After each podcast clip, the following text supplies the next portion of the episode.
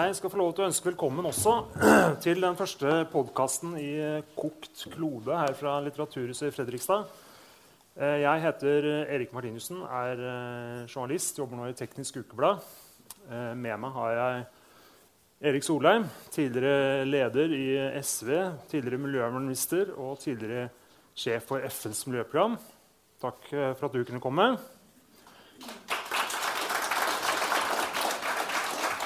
Og Kjetil Bragli Alstheim, som er uh, politisk redaktør i Dagens Næringsliv og mangeårig fulgt klimaforhandlingene i mange år. God kjennskap til internasjonal klimapolitikk. Men jeg vil bare si at vi skal ta for oss uh, klimapolitikk i det, det, internasjonale formatet. Hva betyr dette her egentlig for verden? Hva betyr det for oss? Og til slutt komme litt mer på, ned på det nasjonale og individuelle perspektivet. Og det er jo sånn at eh, Klimaendringene blir jo omtalt som vår tids største utfordring. Og at dette på en måte er det aller største eh, problemet vi står overfor. Eh, og nå kom jo nylig denne 1,5-gradersrapporten eh, fra FN. Og jeg har lyst til å starte med deg, Erik. Som tidligere UNEP-sjef. Hvor alvorlig er egentlig situasjonen? Det, det, er ingen tvil om at situasjonen er alvorlig. Eh, som mange har lagt merke til, så er jeg en av de som tror at det fins løsninger. og at vi, vi, vi, klarer å løse mange av de problemene som vi stilt overfor, men vi løser dem ikke ved å bagatellisere dem og late som de ikke er der. Og eh, For å nevne noen av de veldig klare, de klareste Vi ser jo en nedsmelting i polene som er mye raskere enn noe annet sted. Eh, oppvarming og dermed nedsmelting. Eh, Svalbard melder jo om rekordtemperaturer nær, nær, nær kontinuerlig, og det har vært over lang tid. Og vi vil med all sannsynlighet få en betydelig reduksjon i, eh, i isen i, i, i, Arktis. Eh, og med de trusler det vil ha for ulike former for dyreliv, isbjørn som et eksempel. Eh, hvor raskt det eventuelt vil bli nedsmelting i Antarktis, er ikke så klart, men det, det jo, vil ha enda mye mer dra drastiske konsekvenser for jordkloden hvis det skulle skje. Et annet eksempel, som også er en veldig Eh, viktig økosystem er jo de store korallrevene. Store barriererev i Australia som følger hele, bunnen, hele nordøstre kysten av Australia. Det er 3000 km langt. De 1500 nordligste kilometerne er totalt ødelagt. Eh, vi vet lite om evnen et sånt korallrev har til å komme tilbake. Vi vet at de, at de kommer tilbake, eh, men om det vil ta hundrevis, eventuelt tusenvis av år, eller om det kan skje i løpet av kort tid, det er det vanskeligere å si noe om. Men for øyeblikket er det, er det ødelagt. Og selvfølgelig eh, det sørlige delen av korallrevet kan også eh, være i fare. Og hvis vi snakker med ekspertene i Australia, så er det nær unison enighet om at det er temperaturforandring i vannet som er hovedårsaken til dette. Det kan også bli påvirket noe av fiske i korallrevene, noe av eh, forurensning fra land. Men én grads temperaturforandring i vannet, som jo høres mikroskopisk ut. men ingen av oss er stand til å merke om Oslofjorden er en grad kaldere eller varmere. om vi stuper uti. Den ene graden er avgjørende for korallrevenes eh, overlevelse. Så ja, vi ser veldig sterke effekter av det. Vi må også regne med mye mer ekstremvær, eh, som, som du sier, som eh, Roy Freddy sa.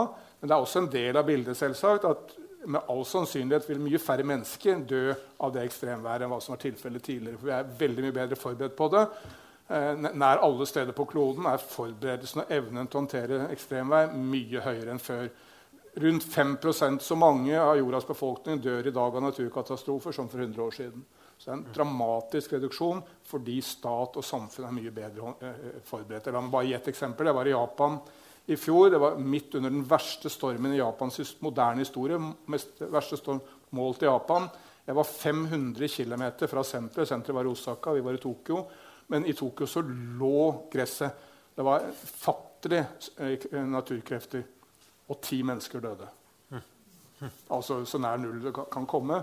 Selvsagt fordi Japan er fantastisk forberedt på ting som dette. Alle er inne, bygningene er solide, varslingssystemene er perfekte osv. Så, så du tenker at, et, at, samfunnet er mye mer robust i dag enn det var for 100 år siden? Så vi er også veldig mye bedre rusta til, til, å møte disse endringene? da? Vi er mye bedre rustet til å møte dem for å flytte seg fra Japan, som er et av verdens mest avanserte samfunn, til et mye fattigere land. Eh, på 1970-tallet var det en stor syklon i Bangladesh. Det er den største målte naturkatastrofe i antagelig menneskenes historie, iallfall i moderne tid. 500 000 mennesker døde. La oss anta en tilsvarende vind traff Bangladesh i morgen. Så er det ingen som kan si det sikkert, men la, jeg vil tippe at noen hundre ville dø. Ikke no, og ikke noe i den minste lille nærhet av 500 000. Hvorfor det? Alle mennesker i Bangladesh har en mobiltelefon. På den mobiltelefonen vil de få, få en varsling om hva de skal gjøre. Det er bygd hus i deltaområdet på påler. Ikke hvert menneskes hus, men kommunale hus, ordførerens hus, rådhuset sånn at folk kan ta, ta tilflukt der. Og ingen ville dø etter naturkatastrofen. Mm. De fleste mennesker dør jo ikke av naturkatastrofen, men dør av sult og sykdommer og andre ting som følger etter naturkatastrofer. Ikke et menneske i Bangladesh ville dø etter naturkatastrofen fordi staten, frivillige organisasjoner og det internasjonale samfunn vil bringe inn legehjelp, eh, mm. medisiner, mat osv.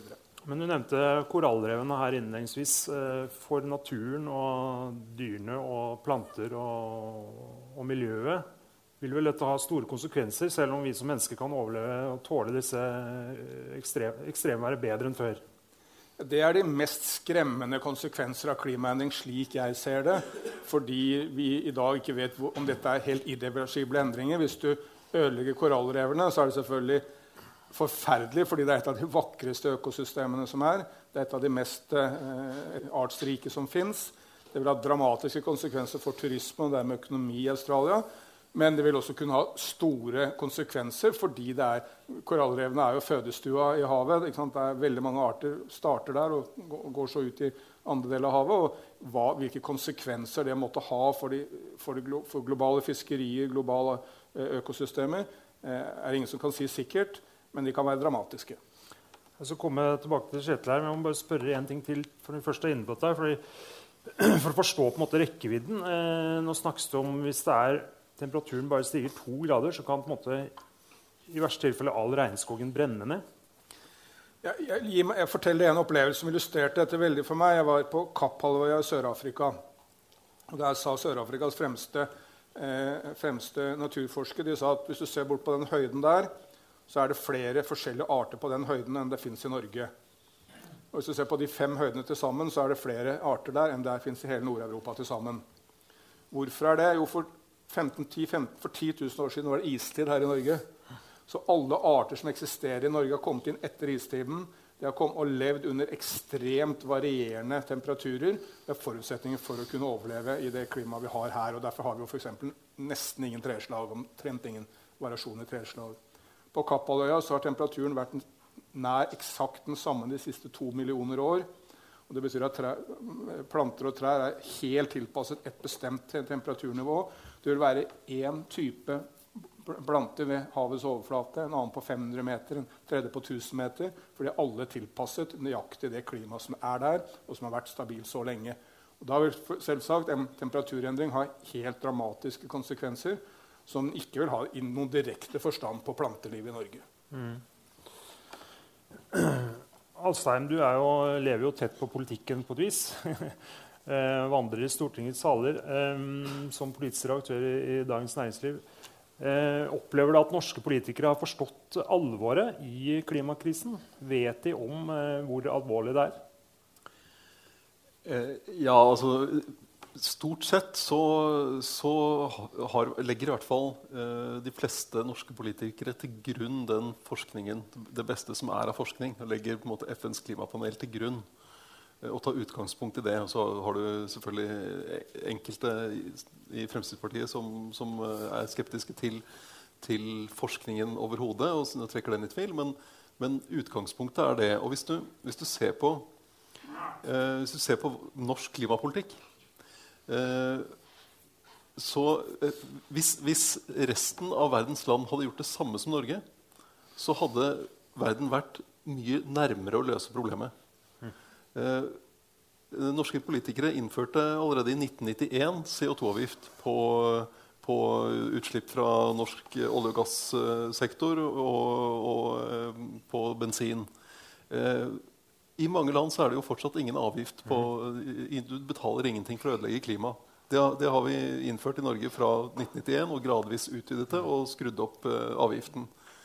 Uh, og pris på utslipp er, noe, det er nøkkeltiltak for å få gjort noe. Du må, det må koste å gjøre det du ikke skal gjøre. Det må lønne seg å gjøre det som er bra, og det må ikke lønne seg å gjøre det som er dårlig. For mange land er det billig å forurense?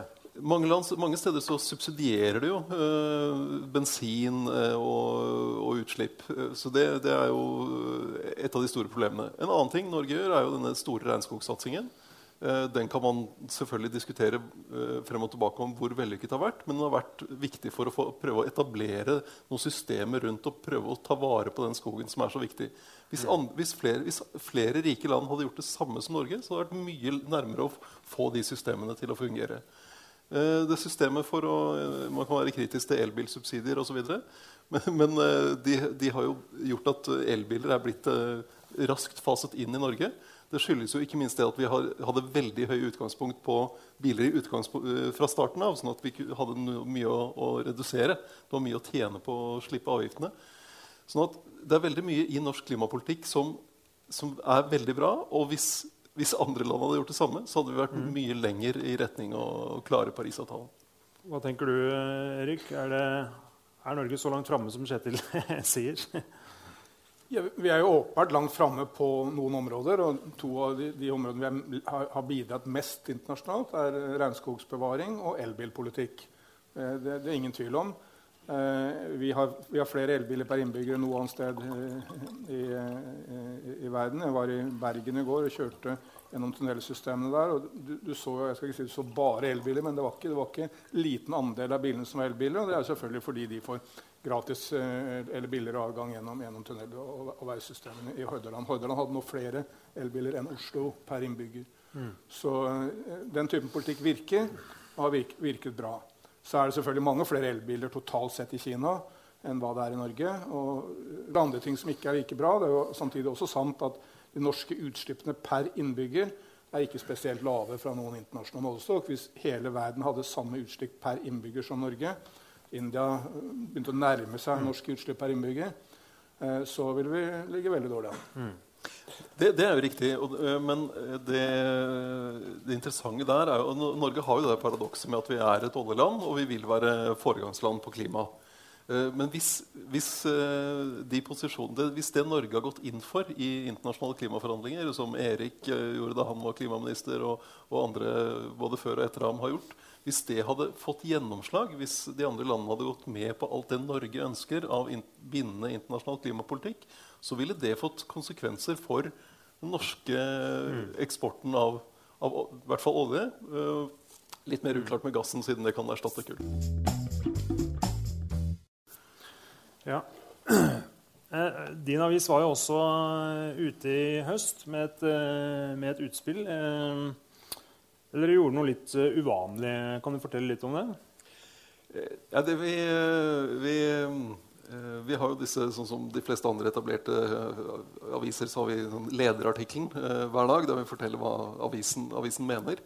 Det vi opplevde i, høst, var jo at det norske forslaget, altså regjeringens forslag til statsbudsjett ble lagt frem i, i Oslo. og Samtidig så kom denne 1,5-gradersrapporten fra FNs klimapanel og ble lagt frem i, i Seoul. Var det ikke der, var det der i år? Ja. Eh, som jo var, Leder for klimapanelen her fra Sør-Korea. Ja. Eh, som, hadde, som var et dramatisk budskap om hvor stor forskjell det er på 1,5 grad og, og 2 grader. Og, det utløste jo en del debatt om hva bør vi gjøre for å stramme inn uh, mer, gjøre mer av i norsk klimapolitikk. Og det vi ofte ser, er at, uh, og særlig fra ulike næringsorganisasjoner, er at de kommer med forslag om ja, vi kan gjøre sånn og slik og det, ditt og datt. Eh, bare staten kommer med støtteordning, skattefradrag eller tiltakspakke. Det, hvis man skal løse klimaproblemet ved at, alle, at, staten skal betale alt sammen, så blir det veldig vanskelig å få det til. Mm. Så det vi prøvde å gjøre Vi, vi skriver jo ofte ledere, og så er vi kritiske til, noen, til det noen andre har foreslått. Ja. Så vi prøvde å ta en litt mer konstruktiv tilnærming, og så skrev vi en serie på ti ledere med, med det vi mente burde gjøres. Av, av, endringer i ti tiltak, da. Ti tiltak. Ti tiltak, ja. Som egentlig ble foreslått av Dagens Næringsliv som avis. da. Ja litt konstruktivt innspill. Ikke bare, ikke bare kritisere andres Hvordan ble det mottatt? Det? Nei, det, var, det var stor interesse for det. Det var jo ikke, det var ikke noen av dem som ble Det, det Altså, det, litt avhengig av hvordan man ser det, så var det ingen av dem som, ble, som fikk gjennomslag på Stortinget. i fjor høst. fikk gjennomslag. Vi fikk f.eks. ikke avskaffet taxfree-ordningen, som vi foreslo. Fordi, fordi jo- nå er den jo blitt så stor at eh, man kan eh, bære på seg kink når man skal hjem fra taxfree-butikken. eh, Med tanke på alle de flaskene med vin man kan ta med. Men det er jo en ordning som er der og subsidierer flytrafikk. Eh, og det er klart Den er veldig populær. Jeg handler på taxfree selv. Jeg, men, men det er en ordning som gjør det billigere å fly. Eh, det er ikke smart. og Vårt forslag var da at vi avskaffer den, og så senker vi heller avgiften litt på Vinmonopolet. En digresjon kanskje, men fergetrafikk også, eller? Fergetrafikk også, ja. Ja. Men uh, av disse ti tiltakene, er det, ja, nå har du allerede trukket fram ett. Er det andre du mener var spesielt viktig? Altså det, det som går igjen, eh, gikk igjen i dem, var at eh, du må, ha, du må prise ting riktig. Det må koste å belaste klimaet. Og, og, og det, der, der, har, der har vi mye på plass i Norge. Vi har eh, EUs kvotesystem, som eh, vi, vi kan snakke om resten av timen. hvis Men det priser utslipp i hvert fall. Eh, Ja. Som priser utslipp. Og vi har eh, CO2-avgifter. Eh, Men det er noen hull. Vi har f.eks. landbruket og fiskeri som er unntatt. Der er det forhandlinger nå mellom staten og landbruksorganisasjonene. Og det skal forhandles mellom staten og, og fiskeriorganisasjonene. Vi har eh, en ordning som, der man subsidierer biodiesel som der en stor andel av det kommer fra palmeolje, som er altså rett og slett en subsidiering av regnskogødeleggelse i, i Indonesia. Det eh, syns vi ikke var noe lurt. Og så foreslo vi også det å flytte mer penger fra, fra veiinvesteringer til uh, Mm.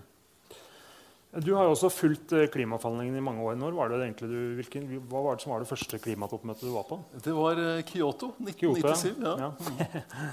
Da trodde vi, da, da vi det, Jens Stoltenberg var også der, og han har beskrevet det at da, da, han dro derfra, og, det den følelse jeg kan kjenne meg igjen i, så, så tenkte han at nå har vi, nå har vi, liksom, Nå har vi, redda verden.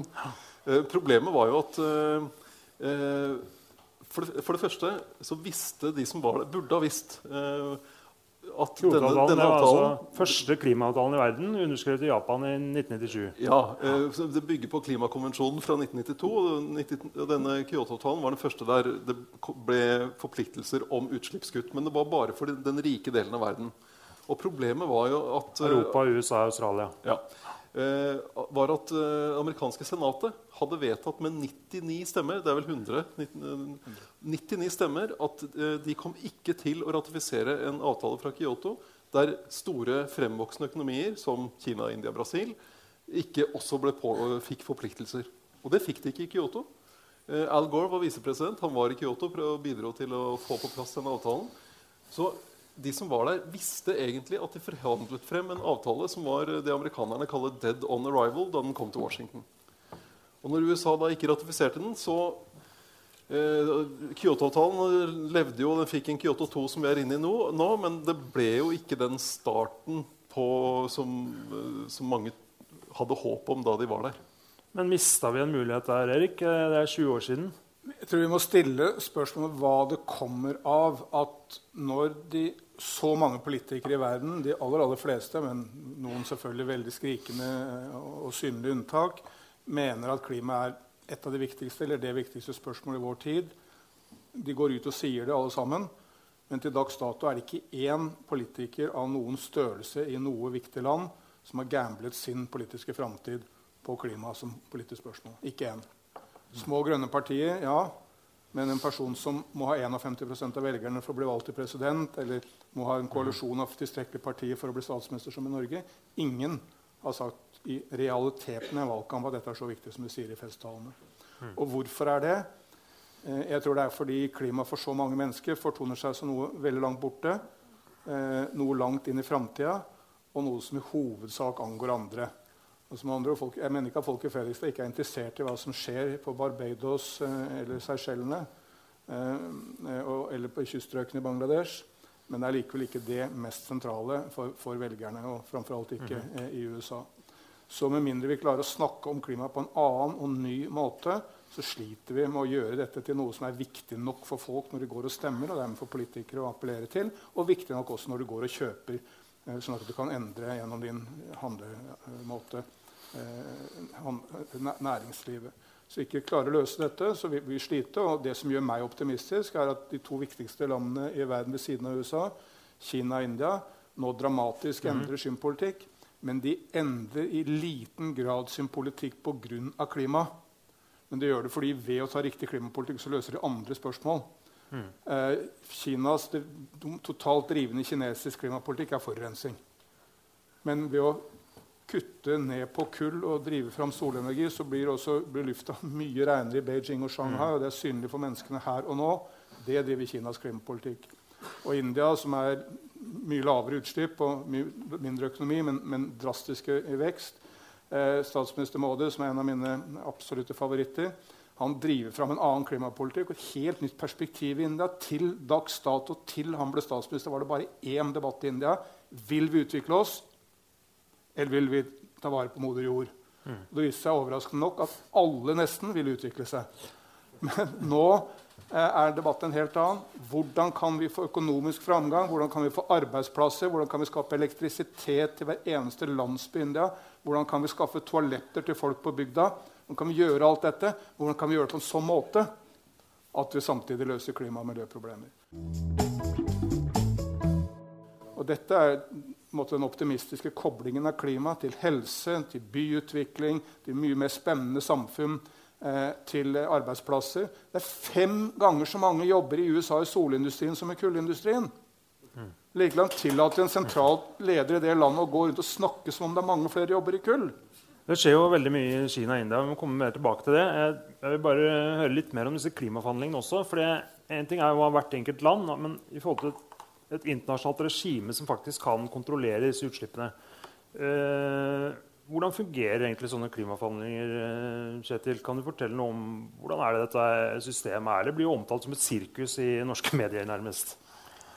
Eh, er det et sirkus? Ja, nei, ja, nei, det er det ikke. Men det er blitt en, veldig, det er en årlig, årlig, happening, og det skjer veldig mye rundt det. Med, med, så det er blitt en, sånn, eh, en sånn slags klimamesse med, med, veldig mye arrangementer rundt. Og så er det en seig materie med, disse, med disse forhandlingene.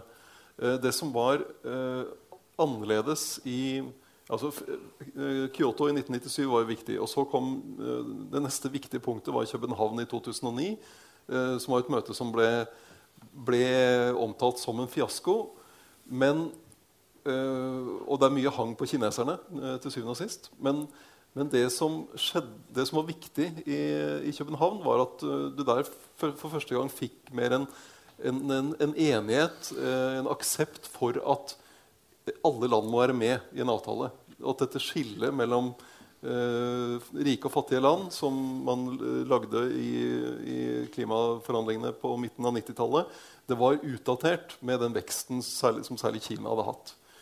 Uh, det kom i 2009, og det var det som la egentlig grunnlaget for Parisavtalen i 2015 som er en avtale som, som, eh, der alle land forplikter seg. Og den store forskjellen fra Kyoto-avtalen var at eh, da, da, man prøvde å bli enige på toppen om at nå, nå skal vi sette sånne og slike forpliktelser for hvert land, var at uh, i Paris så var det landene selv som kom med sine, uh, sine planer til bordet. Vi vil kutte så mye.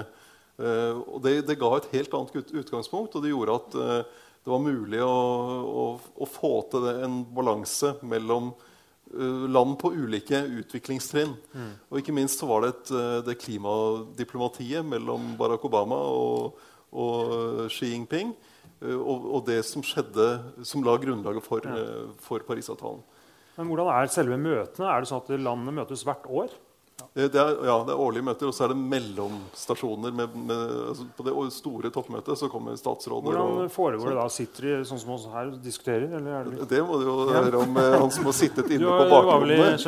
Og... Jeg står jo bare utenfor og prøver å, kikke inn nøkkelhullet. Ja, hvordan foregår egentlig disse forhandlingene? Er det en kjempestor møtesal hvor alle snakker, eller, eller foregår det alltid i korridorene?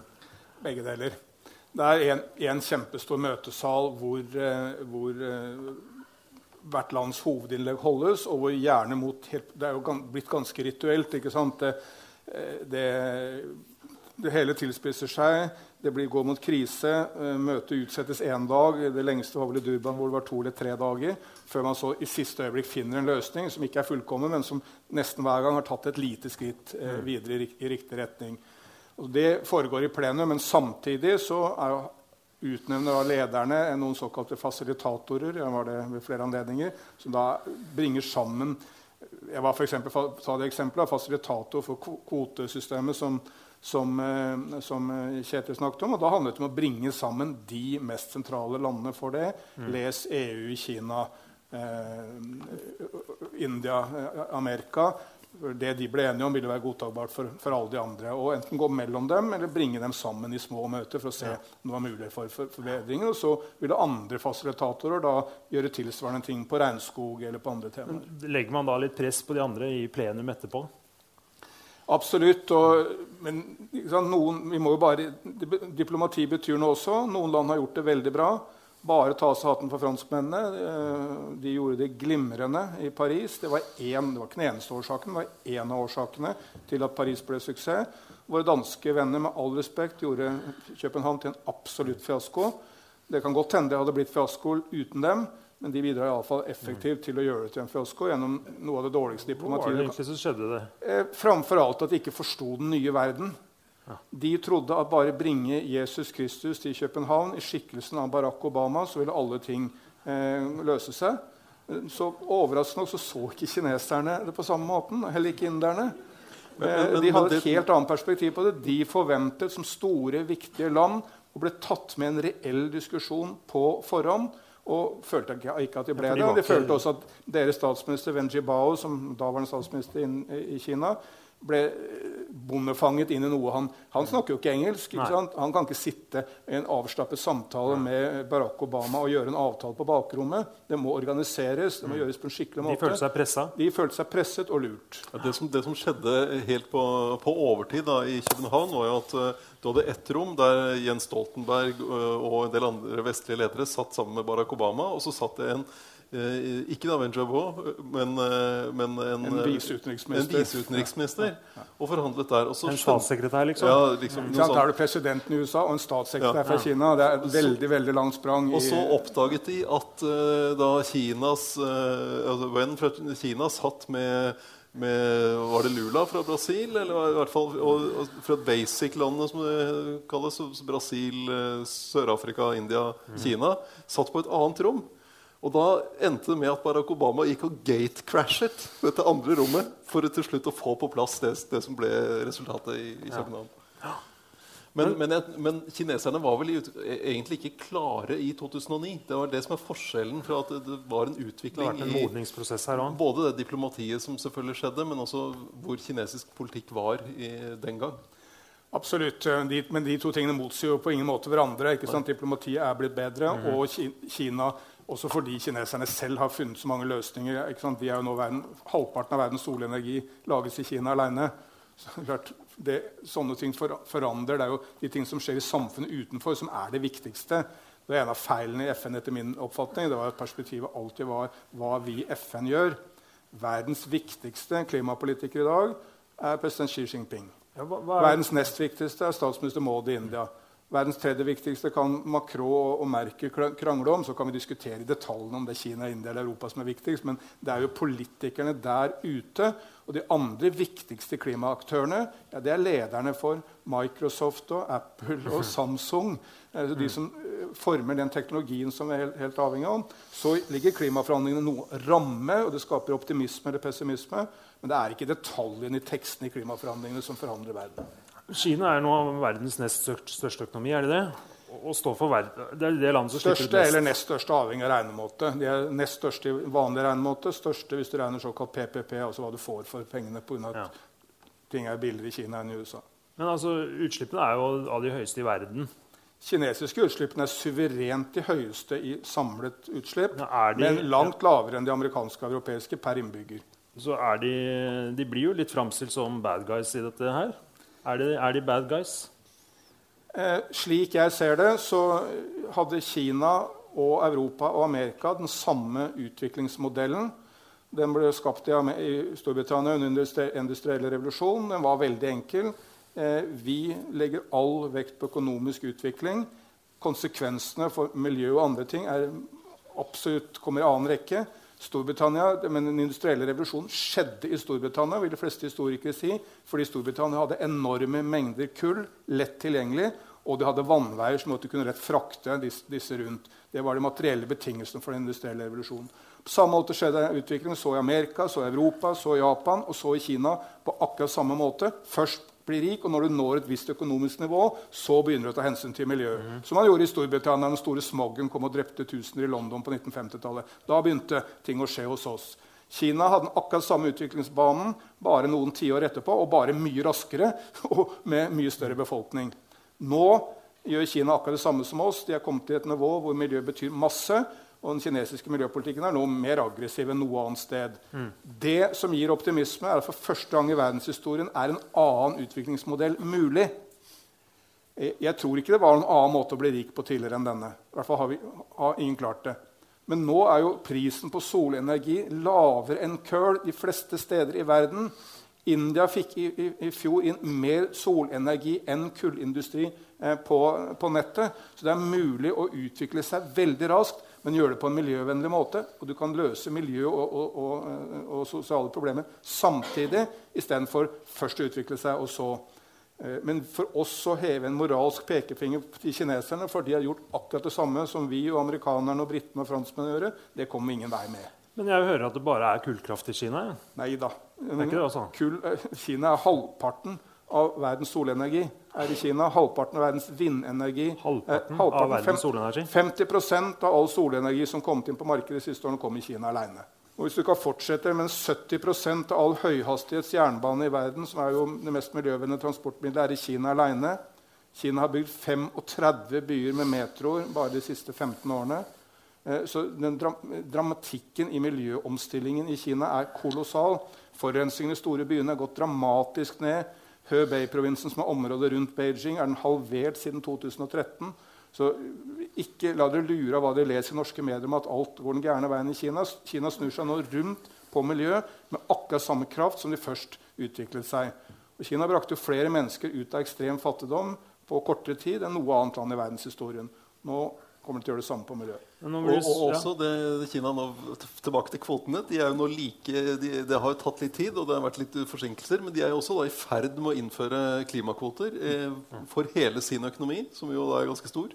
Så der får du De største eh, kvotemarkedene nå er eh, det europeiske, der Norge er med, og det er California. Og så når Kina da kommer inn, så, så blir det det største. Hvis du ser på utenrikspolitikken totalt, så er det nå den totalt absurde situasjonen at det landet og den leder i verden som snakker mest for det politiske systemet som Amerikas forente stater har bygd opp, en organisert, eh, organisert, regelbasert verden, det er Kina. Xi Jinping snakker konsekvent om alt det USA har skapt for oss i verden. Han India, da? India, han, snakker, altså, han, han gir ikke USA kreditt for det, det er ikke det jeg mener. Men han snakker om Verdens handelsorganisasjon, om FN, om regler for spilleregler mellom stater, som er en regelbasert verden som ingen andre land har bidratt til å forme på samme måte som USA. India er det samme, men, men, men Kina, jo, Kina, ligger jo 20 år foran India på alle disse områdene. Det er jo fortsatt store deler av India som er ekstremt fattige.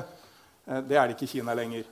Eh, og hvis du, hvis du, sammenligner de store byene i Kina med India, så er det, det er en gigantisk forskjell. Men India har nå 7,5% økonomisk vekst hvert år. Jeg eh, har fått en dynamisk statsminister som kanskje blir gjenvalgt om tre måneder.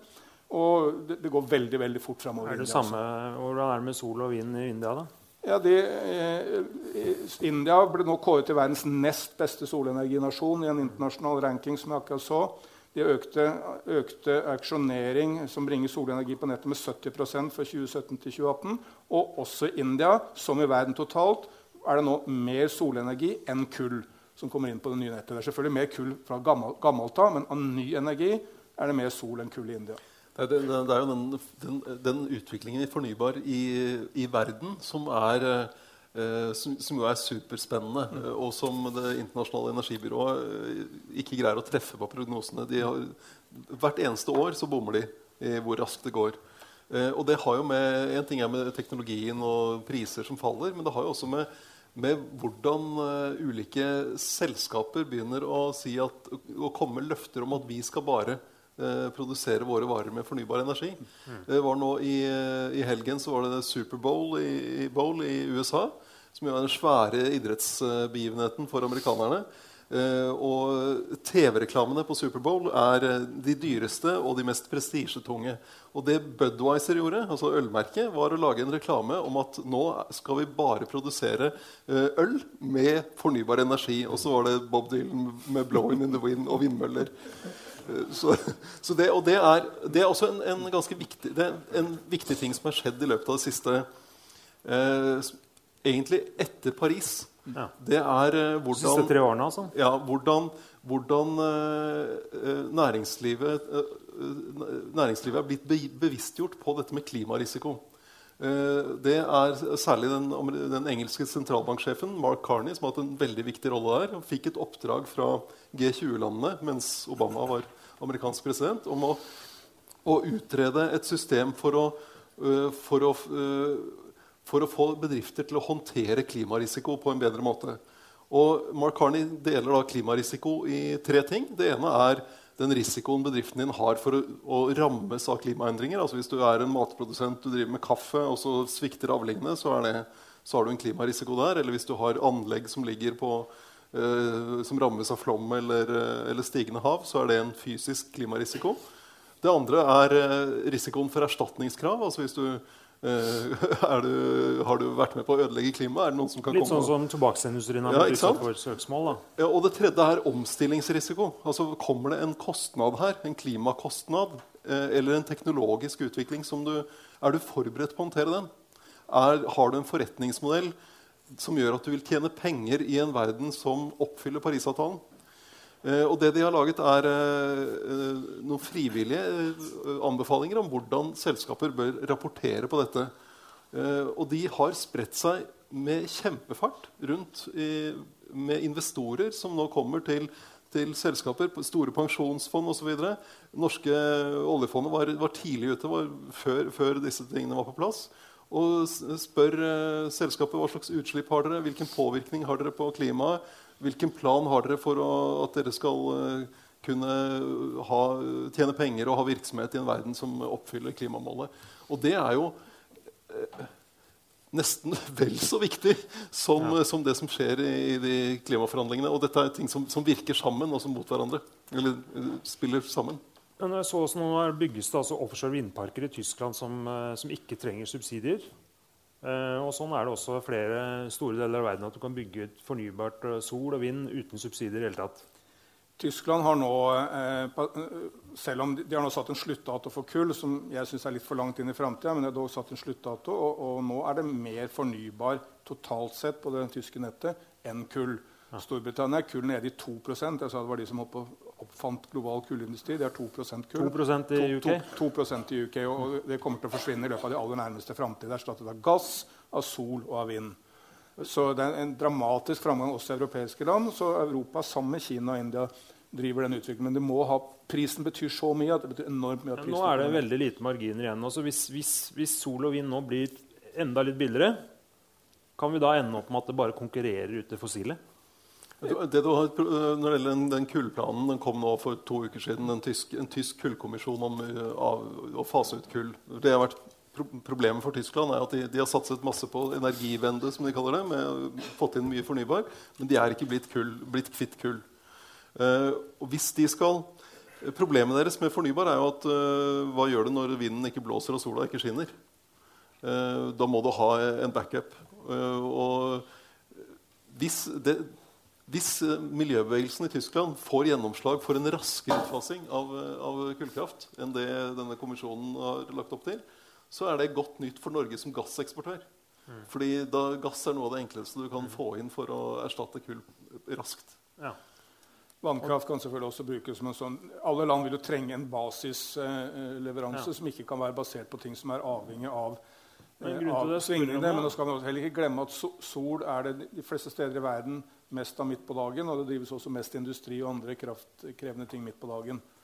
Men også her er jo verden i ferd med å endre seg. Vi er jo vant til å tenke sol som nei, energi som varmefaktor. Eh, de fleste steder i verden trengs det nå mer, mye mer energi til å kjøle ned eh, enn til å varme opp. moderne bygg også i Norge trengs mer nedkjøling enn oppvarming. Og der hvor det er den dramatiske veksten i, i, folketall og en ny bred middelklasse, der er det jo nedkjøling som er det store. Aircondition-industrien er en av de aller, aller største industrier eh, for energibruk i årene, i årene framover. Men også en industri hvor det er mulighet med å ta bruk den mest moderne teknologien og bruke veldig lite energi. Mens hvis du går i gamle løsninger, så bruker du fattige mengder energi. Jeg husker ikke alle disse tallene hennes nøye, men eh, er det, når er det vi skal ha null utslipp? Er det null utslipp så å si, i hele verden i, på slutten av århundret? Jeg kan heller ikke de tallene. Jeg har mer den innstillingen at vi må, vi, vi må, sette i gang og jobbe. Og, og ja, når jeg hører deg snakke om disse prisene her, og hvor raskt det går, så, så høres jo 80 år ut som vi har ganske god tid. altså Nei, Bare for å snu på det, da. Nå, nå, må vi jo ikke glemme at jeg snakker konsekvent her om den nye energien som kommer inn.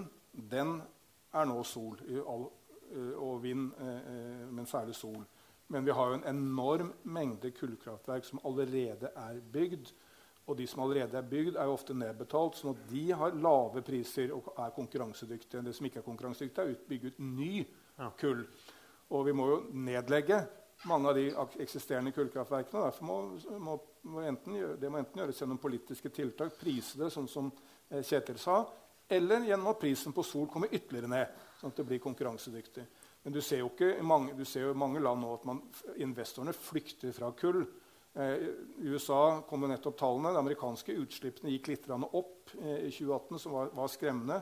Men utslippene fra kull gikk drastisk ned. fordi det nytter ikke. Du kan ikke vedta Det hvite hus at investorene skal sette pengene sine i kullindustrien i West Virginia. Den store forskjellen her er jo at i, i Europa og USA så har altså kullkraftverk har vel en levetid på 40 år. eller noe sånt. Og I Europa og USA så er de fleste kullkraftverkene er på vei mot uh, hvert fall, uh, altså pensjonsalderen. Uh, sånn at med mm. litt sånn AFP-ordning så kan du fase dem ut. så det, mens, dette, mens, kan skje ganske raskt? Mens i da India, Kina, så har du nyere kullkraftverk. De har mange flere leveår igjen. Mm. Så du må som pensjonere tidlig pensjonere dem i, i, i litt, litt, tidlig alder. Og mye, da har du en stor investering som du, har, mm. som du skal pensjonere lenge før den egentlig er brukt opp. Eller, og det, det, er, det, er, sannsynligvis noe av det man, man må finne ordninger for å, for å, for å pensjonere dem på, i, i, ganske ung alder. Men på en del områder så skjer teknologisk endring når det kommer til et visst nivå mye fortere enn folk tror. Jeg husker fortsatt På 1990-tallet vi diskuterte Internett. I Utenriksdepartementet var det mange som mente at Internett var en nymotens påvum som var, aldri kom til å ha livets rett. Det, til, det var en mote, det kom til å gå over da man hadde noen internettstasjoner. Eh, så vet vi at det gikk ikke akkurat helt sånn. Men jeg hørte Volkswagen eh, nettopp sa at i 2026 skal vi selge vår siste dieselbil. Tenk over følgende, Det er en risiko å være den første som kjøper en elbil. for du vet ikke hvordan det fungerer. Men å er den siste som kjøper en bil. Hvem ønsker å være det? Du skal altså da i 2026 kjøpe den Du er ikke samler av, dieselbiler, men du er en familiemor eller far som ønsker å kjøpe en bil. Du skal være den siste som kjøper en dieselbil av Volkswagen.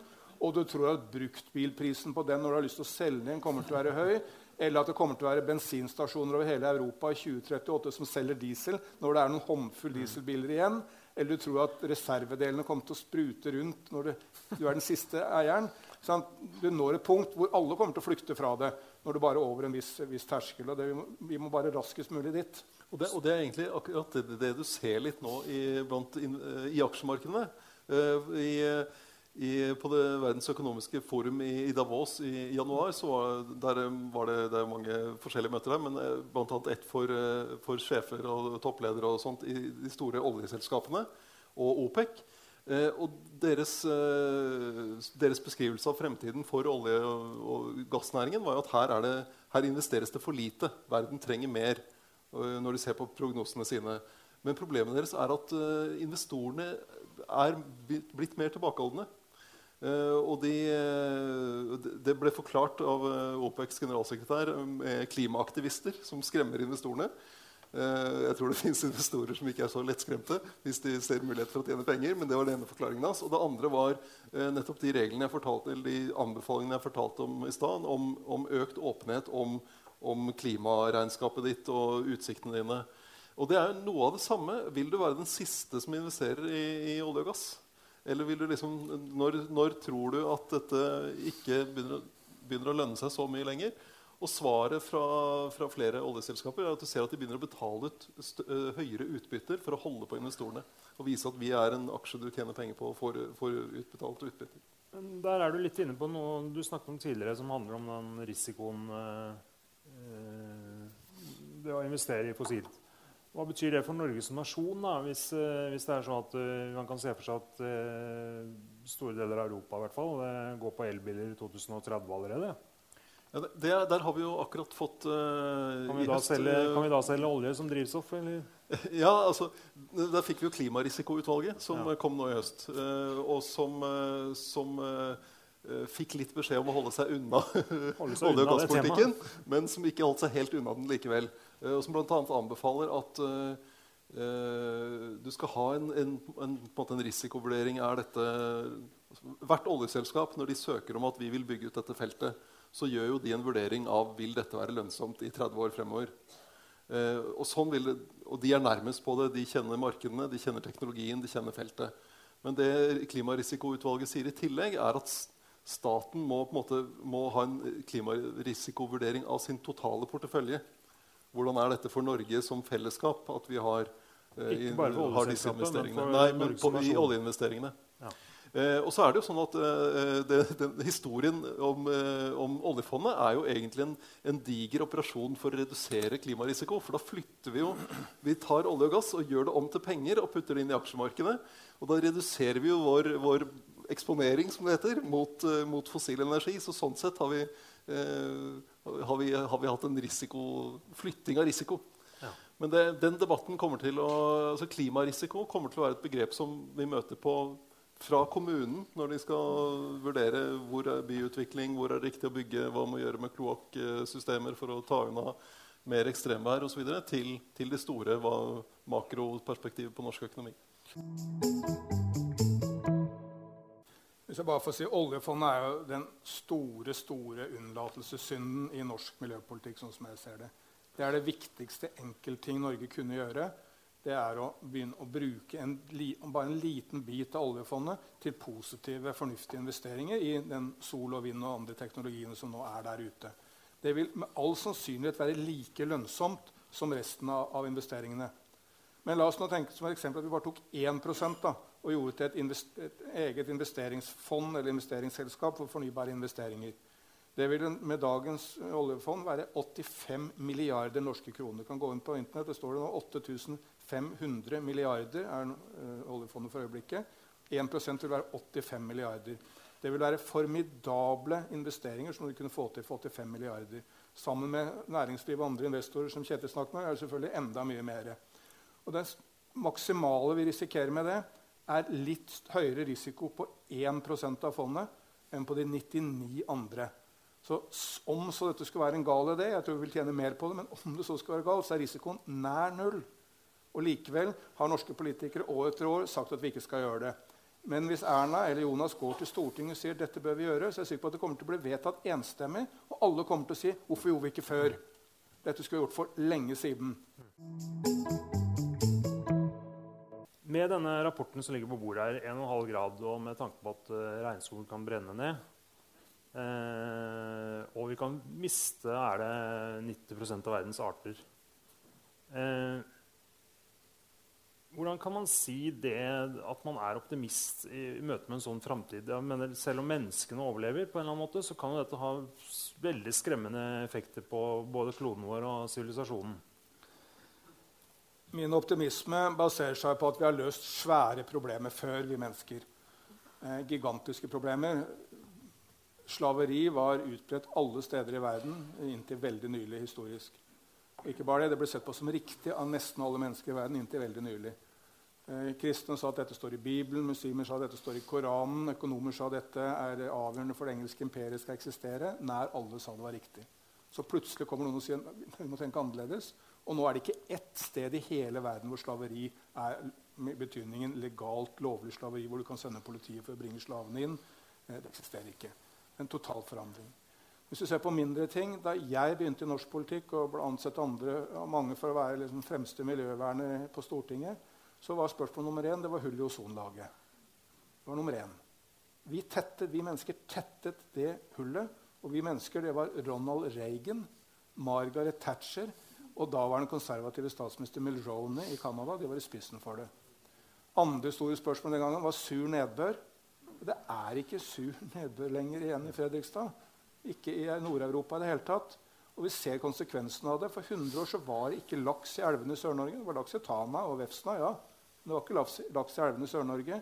Men når vi fikk stoppet den sure nedbøren i Storbritannia, Tyskland og Norge, så kom laksen tilbake. Så er, Naturen har stor evne til å komme tilbake. Og vi mennesker, når vi går sammen og samarbeider, samarbeider på tvers og skiller mellom land, og når næringsliv og politikk samarbeider, har ufattelig evne til å løse problemer. Så kan det argumenteres at klimaet er større enn dette. Er det også et eh, kommunikasjonsstrategi fra din side? At dette er en måte å vekke engasjement på? Eller, det, eller tror du virkelig at det kan gå så raskt? Eh, det er, det er begge deler. Eh, jeg tror veldig at du må ha, hvis du skal ha folk med deg, så må du reise håp. Mm. Den mest kjente strofe fra noen tale i moderne tid vil jeg tippe er Martin Luther King, som sto foran Lincoln-statuen i Washington og sa i have a dream. Han sa ikke 'I have a nightmare'.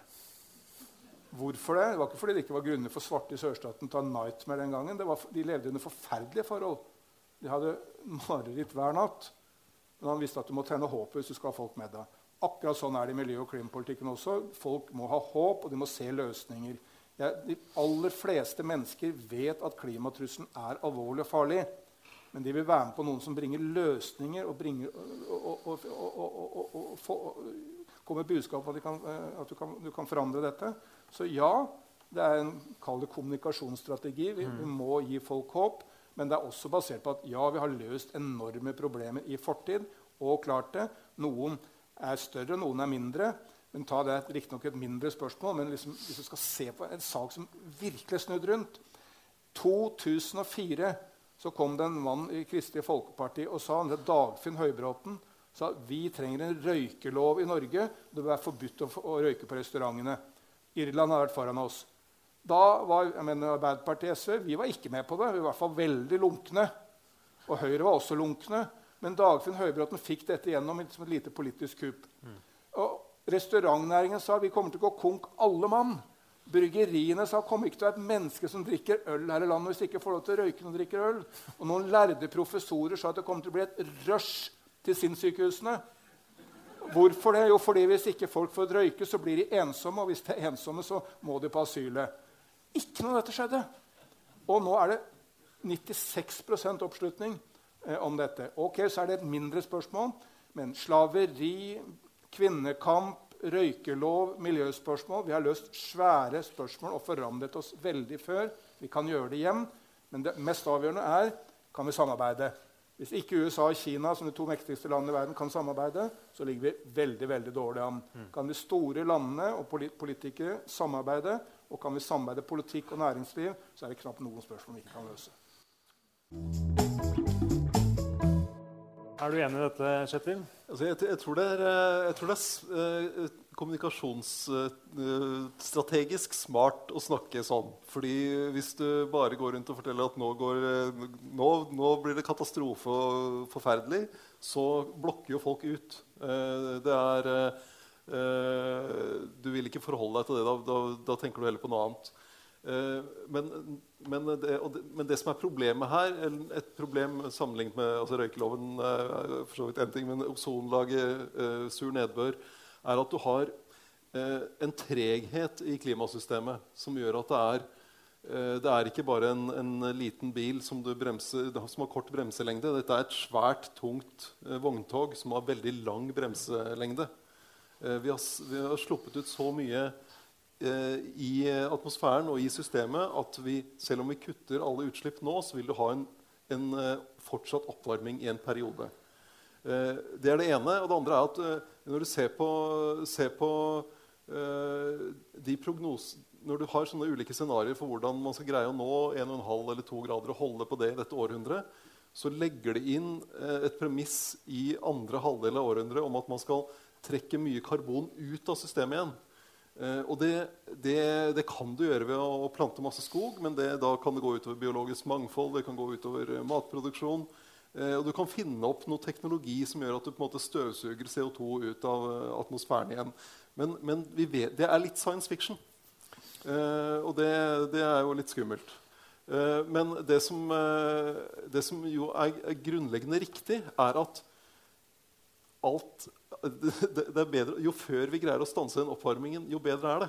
Uh, om vi ikke greier 1,5 grad, som er, det skal veldig mye til å få til, så er det bedre å stoppe på 1,7 enn på 2. Og det er bedre å stoppe på 2 enn 2,5. Sånn at alt nytter. Men uh, ja, det, det, er mye som skal gjøres.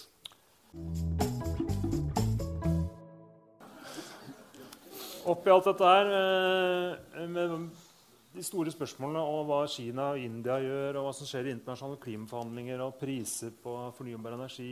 Hvor blir det av lille meg oppi dette her? Hva er det jeg kan gjøre? Betyr det noe hva jeg gjør? Eh, ja, ja, altså det, eh, jeg har ikke tro på sånn klimamoralisme eh, og pekefinger. Men eh, så, eh, samtidig er det litt sånn eh, De som sier at det betyr ingenting hva jeg gjør, det, det syns jeg også er litt rart. fordi alle valgene vi gjør, har jo en betydning.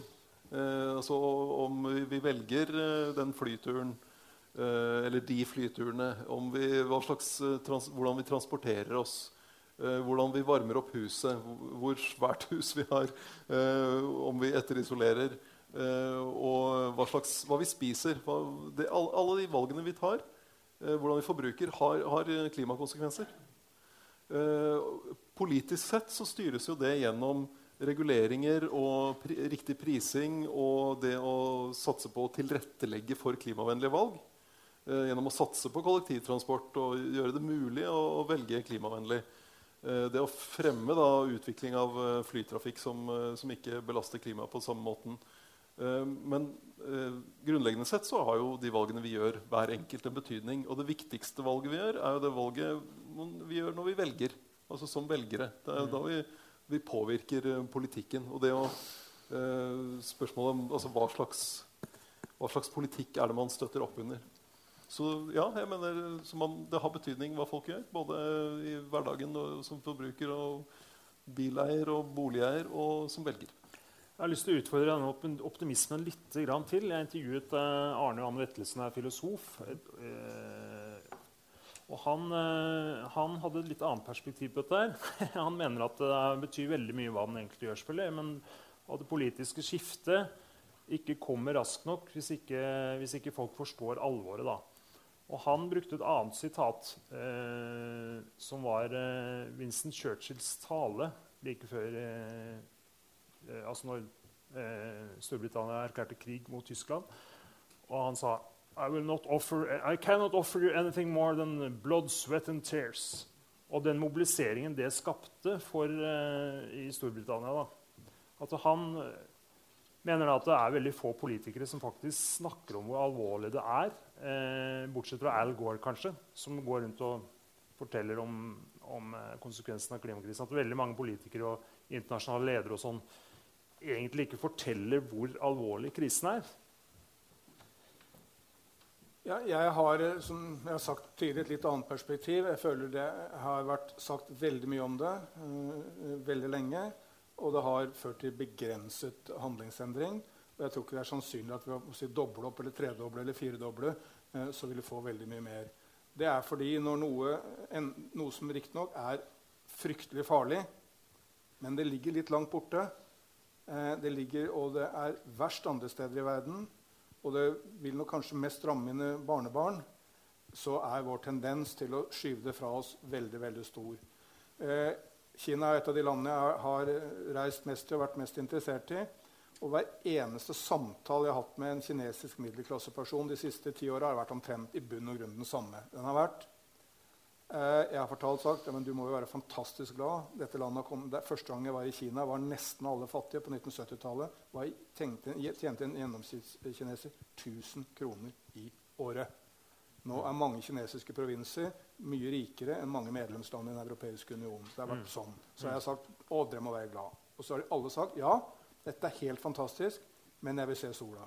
Mm. Eller jeg vil ikke at mine barn skal vokse opp her i Beijing, som er så forurenset. Men det er umiddelbart. Det er her og nå. Man puster det, man merker det. Delhi, Indias hovedstad, er nå kåret til verdens mest forurensede by. Og det fører til politiske konsekvenser. Det fører til at folk stemmer. I Kina de stemmer ikke, men de forteller lederne i kommunistpartiet dere må endre dere. Og de tar budskapet og endrer. Så klima, klimakommunikasjonen sliter med at den ikke har de samme direkte følbare her og nå-konsekvensene.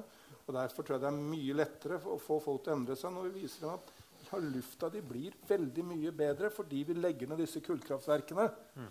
Og fordi vi slutter å brenne avfall rundt delet, som en av hovedårsakene. Bøndene brenner alt restavfallet fra, fra, landbruket. Det restavfallet kunne jo bli biodrivstoff. Mm. Det kan brukes, det kan gi arbeidsplasser og økonomisk framgang. Men nå putter bare bøndene i kasser og brenner det, og all forurensning går inn og, og kveler, kveler Deli. Så hvis du kobler dette til økonomisk framgang, jobber, bedre liv, så er det mye større sjanse til å lykkes. Schwarzenegger, Arnold, The Terminator, diskuterte dette med han. Han sa at hvis jeg går til velgerne i Iowa, sånn, Iowa er midt ute på prærien, og forteller dem at oi, det vil bli havnivåstigning i Florida altså, De ser bare ut av vinduet. De er ikke interessert. Hvis jeg derimot forteller om at Iowa er en ledende vindstat i USA, kan bli ledende i verden på vindenergi, kan forsyne massevis av folk langt utenfor staten med fornybar energi, og vi kan skape massevis av arbeidsplasser gjennom det, ja, da er folk med. Så igjen koble det nødvendige klimabudskapet og det nødvendige alvoret. Men det er dypt alvorlig. Vi må koble det til de fordelene man kan få for helse, mye mer spennende, bedre byer, eh, mye bedre liv, eh, eh, mye flere jobber og mye bedre jobber. Da må vi avslutte. Tusen takk til Erik Solheim og tusen takk til Kjetil Bragli Alsheim.